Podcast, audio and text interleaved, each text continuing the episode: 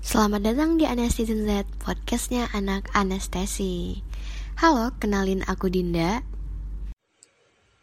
Halo semua, kenalin aku Tihandra Septiana. Halo, aku Tiara Monika. Aku Isti. Dan aku Amel. Jadi di sini kita mau mengulas tentang gaya kepemimpinan yang terdapat pada lima film yang udah kami tonton loh. Iya, bener banget, Ti. Oke, boleh banget nih. Kita bahas dulu film pertama yaitu The Proposal yang dibuat pada tahun 2009 dengan tokoh utama Andrew dan Margaret. Nah, Margaret ini merupakan seorang kepala editor di penerbit buku gitu memiliki gaya kepemimpinan otoriter, sedangkan Andrew ini adalah asisten pribadinya. Nah, banyak karyawan-karyawannya menjuluki dia penyihir karena dia ini selalu bertindak semaunya, menyuruh-nyuruh tanpa mendengarkan pendapat dari karyawan-karyawannya. Suatu hari dia ini memberhentikan secara paksa seorang editor senior hanya karena tidak bisa mengundang seorang penulis ternama atau Frank di acara Oprah. Nah, tindakan buru-burunya itu menyebabkan dia akan dideportasi ke Kanada. Karena dia tidak ingin dideportasi, dia menyampaikan kepada atasannya bahwa dia akan menikah dengan asisten pribadinya, yaitu Andrew. Andrew yang tidak tahu apa-apa mengenai itu terkejut karena itu adalah keputusan sepihak oleh Margaret. Nah, di situ udah kelihatan banget ya kalau Margaret ini egois, cuman mikirin diri dia sendiri.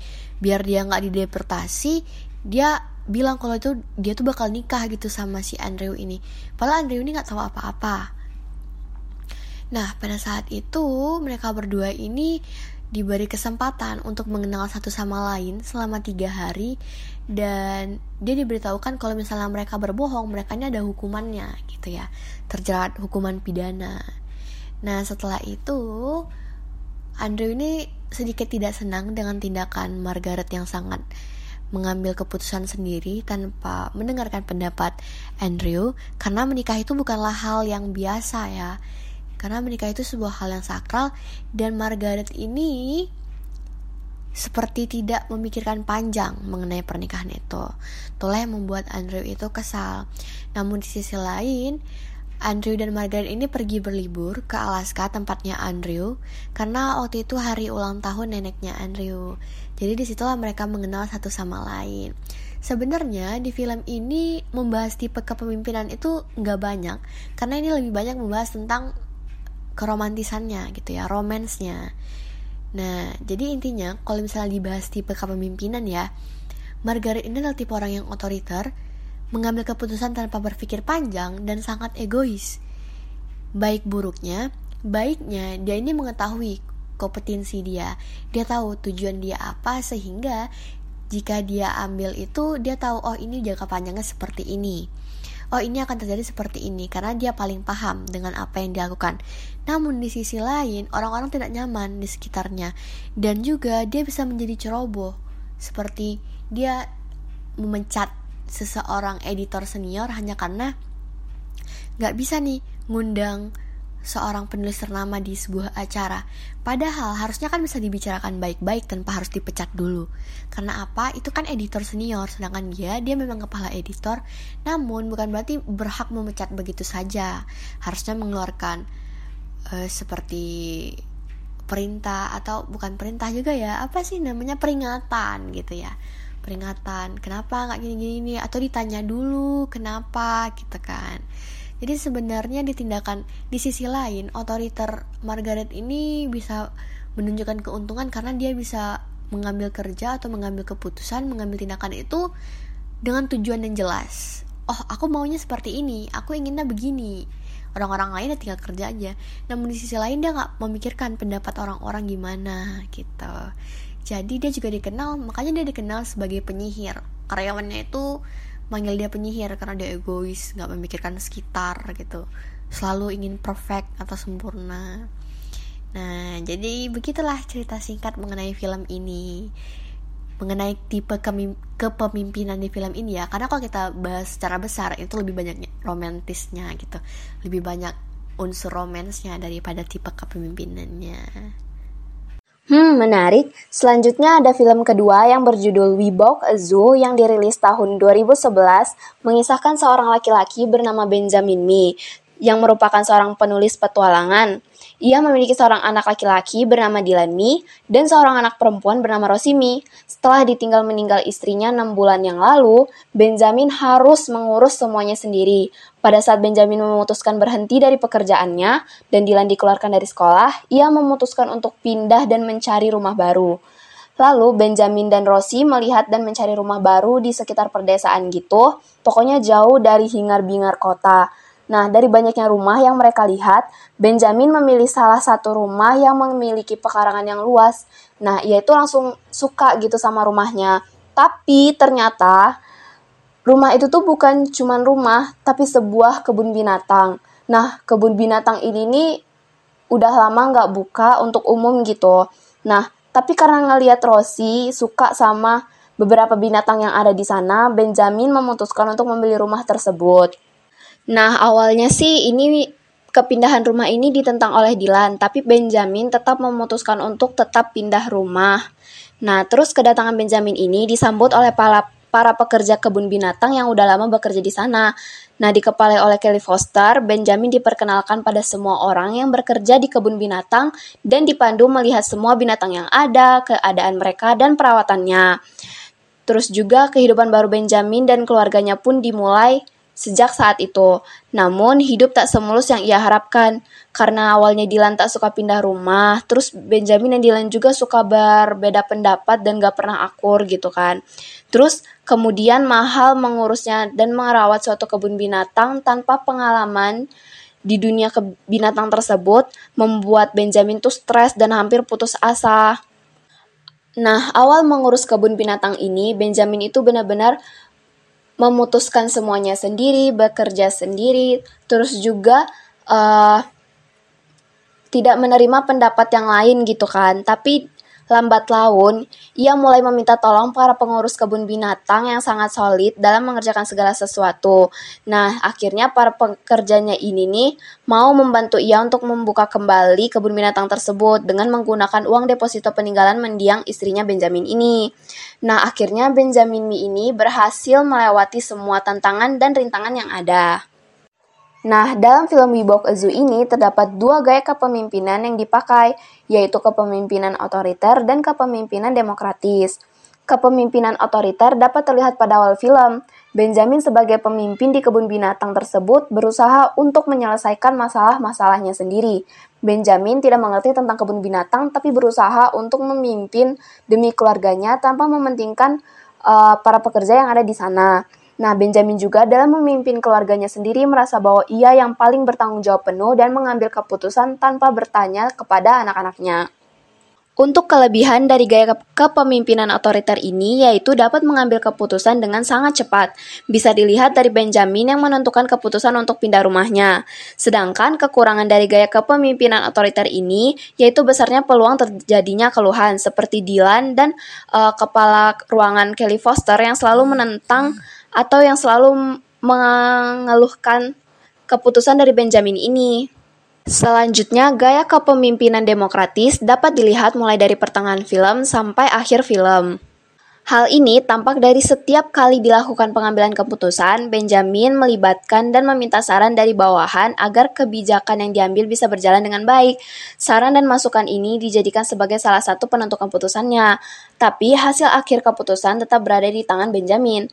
Nah, kelebihan dari gaya kepemimpinan demokratis ini yaitu terjadinya hubungan yang baik antara pemimpin dan bawahannya. Dalam film tersebut, setelah dilakukan gaya kepemimpinan yang demokratis, hubungan antara Benjamin dan Dylan pun membaik. Begitu juga hubungan antara Benjamin dan pekerja kebun binatang. Terus juga kekurangan dari gaya demokratis ini yaitu proses pengambilan keputusan yang lama dan dapat memicu konflik jika terdapat anggota yang memiliki ego yang tinggi. Bisa dilihat pada film, Benjamin dan Kelly mengalami konflik untuk memutuskan merelakan harimau. Nah, kalau menurut aku, gaya kepemimpinan yang terjadi pada film Iwa Kezu ini memiliki kelebihan dan kekurangannya masing-masing. Ketika Benjamin merubah gaya kepemimpinannya dari otoriter menjadi demokratis, menurut aku merupakan pilihan yang tepat. Karena menggunakan gaya kepemimpinan demokratis tersebut, Benjamin beserta para pekerja kebun binatang dapat saling membangun kepercayaan dan menyelesaikan permasalahan dalam membuka kebun binatang kembali. Begitu juga Benjamin yang dapat berbaikan dan mulai memahami Dylan, sehingga hubungan yang sempat memburuk dapat membaik kembali. Jadi gitu teman-teman, gaya kepemimpinan yang ada pada film Ibokuzu ini, ini bakal jadi recommended banget sih buat kalian. Selanjutnya, aku mau bahas film ketiga yang akan menariknya yaitu The Internship. Berkisahkan mengenai dua sahabat yaitu Billy Macon dan Nick Campbell yang baru saja menepati bahwa mereka kehilangan pekerjaan akibat kebangkrutan perusahaan tempat mereka bekerja. Kondisi tersebut jelas sangat membingungkan bagi keduanya. Dengan usia yang tidak muda lagi dan pengalaman kerja yang hanya terbatas sebagai seorang salesman. Harapan Billy dan Nick untuk mendapatkan pekerjaan baru tentu saja sangat terbatas. Untuknya, untungnya di tengah kebingungan tersebut, Billy kemudian memiliki ide untuk mencoba mengikuti program magang yang diadakan oleh perusahaan internet raksasa, yaitu Google. Walaupun terdengar gila, karena pengetahuan mereka yang jelas minim mengenai internet, Bill dan Nick memutuskan untuk mengambil kesempatan tersebut. Program magang yang berjalan di Google sendiri tidak berlangsung layaknya berbagai program magang yang terdapat di banyak perusahaan lain. Dalam program tersebut, para peserta magang diharuskan untuk membentuk sebuah kelompok agar dapat menyelesaikan berbagai tugas yang diberikan kepada mereka, di mana para anggota kelompok yang terbaik nantinya akan diangkat menjadi karyawan Google. Seperti yang didapat diduga, uh, usia dan pengetahuan terbatas yang mereka miliki yaitu Billy dan Nick membuat mereka harus berada pada kelompok orang-orang yang juga dipandang sebelah mata oleh para peserta magang lainnya. Namun, berbekal dengan kemampuan komunikasi yang handal akibat asahan pekerjaannya sebagai salesman yang telah mereka jalani selama ini, Billy dan Nick secara perlahan mampu menyatukan anggota kelompoknya dan mulai menyelesaikan berbagai tugas mereka dengan baik. Dan tentunya, Bill Nick dan tim berhasil menyelesaikan beberapa tugas dan berhasil menang. Lalu mereka resmi menjadi karyawan Google berkat kerja keras bersama. Nah, apa sih gaya kepemimpinan yang ada di film Internship ini? Yaitu adalah demokratik. Karena Billy saat memimpin timnya, ia selalu menyamakan pandangannya dengan pengalaman orang lain yang bisa memotivasi timnya. Dan akhirnya, tim mereka dapat mencapai tujuannya. Jika dibandingkan dengan teori yang ada, gaya kepemimpinan Billy sangat cocok karena gaya kepemimpinan demokratik adalah hubungan interpersonal dan kerja kelompok. Lalu, gaya kepemimpinan demokrasi yaitu menggunakan posisinya untuk mendapatkan pandangan dan pemikiran bawahan serta memotivasi mereka untuk menentukan tujuan dan mengembangkan rencana. Nah, apa sih kelebihan gaya kepemimpinan tersebut? Yaitu mereka memberikan pandangan kepada timnya dan tidak membuat keputusan sendiri, yang membuat timnya merasa lebih nyaman dan juga hubungan antara pemimpin dan tim harmonis dan tidak kaku. Begitu teman-teman. Pokoknya recommended banget film ini tuh seru banget buat kalian. Gak perlu nunggu lama lagi nih, kita masuk film keempat yaitu film yang berjudul Hitski. Film ini berasal dari India yang dipimpin oleh seorang guru yang bernama Naina Mathur atau Reni Mukherjee di mana uh, film ini menggunakan gaya kepemimpinan otoriter yang menceritakan seorang perempuan bernama Naina Mathur yang mempunyai penyakit sindrom Tourette atau gangguan sistem saraf. Akan tetapi, ia memiliki mimpi yang begitu besar menjadi seorang guru. Meski dengan keadaan seperti itu, dia tetap berhasil meraih gelar sarjana pendidikan dan magister sains. Cita-citanya menjadi guru ia bulatkan meski banyak pertentangan dari apa yang ia derita. Bahkan, ayahnya juga menyepelekan kemampuannya untuk menjadi seorang pendidik. Tetapi Naina ini tetap mencari pekerjaan yang ia inginkan. Dan hasilnya ia diterima di salah satu sekolah terbaik sejak ia ditolak dari 18 instansi pendidikan karena penyakit yang ia derita. Dan akhirnya Naina mendapat tawaran dari sekolah SD Notgers. Perjuangannya itu terbayar meski lima kali ditolak dari sekolah ini. Naina Matur sangat bersemangat untuk membuktikan bahwa manusia tidak boleh melihat dari sebuah kekurangannya saja. Setelah itu, Naina Matur ditetapkan menjadi wali kelas 9F di sekolah SD Notgers ini yang mana kelas tersebut terkenal kegaduhan, kebodohan, dan kebrutalan oleh siswanya. Awal masuk, Naina sebagai guru sudah mengalami tindakan tidak elok yang ditunjukkan oleh kelas tersebut. Namun, semangat Naina Matur tidak pernah padam, meski harus melawan ketidakpercayaannya dari beberapa guru yang e, mengajar di ST Norkes sebab kelas itu sudah berhasil mengusir beberapa guru. Hari demi hari telah Naina habiskan dengan kelas 9F. Ini juga sebagai tanda bahwa guru matur masih bertahan untuk menghadapi kenakalan siswa. Banyak tragedi dan peristiwa yang dialami oleh matur, mulai dari kursi duduk guru yang dipatahkan, kapur yang diisi dengan fosfor korek api, tong sampah yang diisi dengan petasan, dan bola pimpong, dan paling sering adalah olokan gagap baginya. Tetapi dia selalu menghadapinya dengan sabar. Dengan perilaku yang diterima oleh Naina ini, wakil kesiswaan selalu mengusulkan kelas 9F tidak layak menjadi siswa-siswi di sekolah ST Nordkes ini dan harus dikeluarkan dari sekolah. Mendengar mendengar aduan itu, Naina selalu meminta was, welas asih dan kesempatan agar dapat membuktikan bahwa mereka tidak akan menjadi cover kenakalan di sekolah ini. Hingga akhirnya Naina memberikan tantangan sebagai tanda keseriusannya akan mengubah mereka dari siswa brutal menjadi siswa perfect, seperti kelas unggulan lainnya. Naina mencari jalan agar mereka dapat berubah. Pada akhirnya, uh, Naina ini mendapat mendapatkan cara yang mengajarnya yang efektif. Naina memberikan cara efektif agar mereka mudah memahami setiap pembelajaran yang diutarakannya. Hal-hal sepele ini dilakukan oleh Naina membuat siswa 9F menguasai secara praktik dan teori. Melihat satu persatu latar belakang siswa, melainkan Matu Naina ingin menemui wali dari setiap siswa kelas 9F karena mereka tidak datang dalam rapat pertemuan wali murid. Dari sinilah Naina mengetahui lat semua latar belakang siswa serta kampung yang identik dengan hal-hal negatif dan kemiskinan. Banyak dari siswa bekerja membantu orang tua, ada juga uh, menjadi bandar judi meski masih kecil dan ada yang bekerja sebagai penjual. Melihat kenyataan yang ada, Naina merasa prihatin bahwa kehidupan siswa kelas 9F jauh di bawah standar. Naina pun merasa semakin bersemangat untuk membantu masa depan mereka, setidaknya hingga mereka semua lulus ujian. Usaha Naina ini sampai mendapat tolakan dari MR Wadia dan selalu menjatuhkan argumentasi-argumentasi Naina. Tetapi, Naina tetap selalu berusaha dan mempertahankan semua siswa 14 orang agar bisa ikut ujian dan lulus murni dengan nilai yang memuaskan.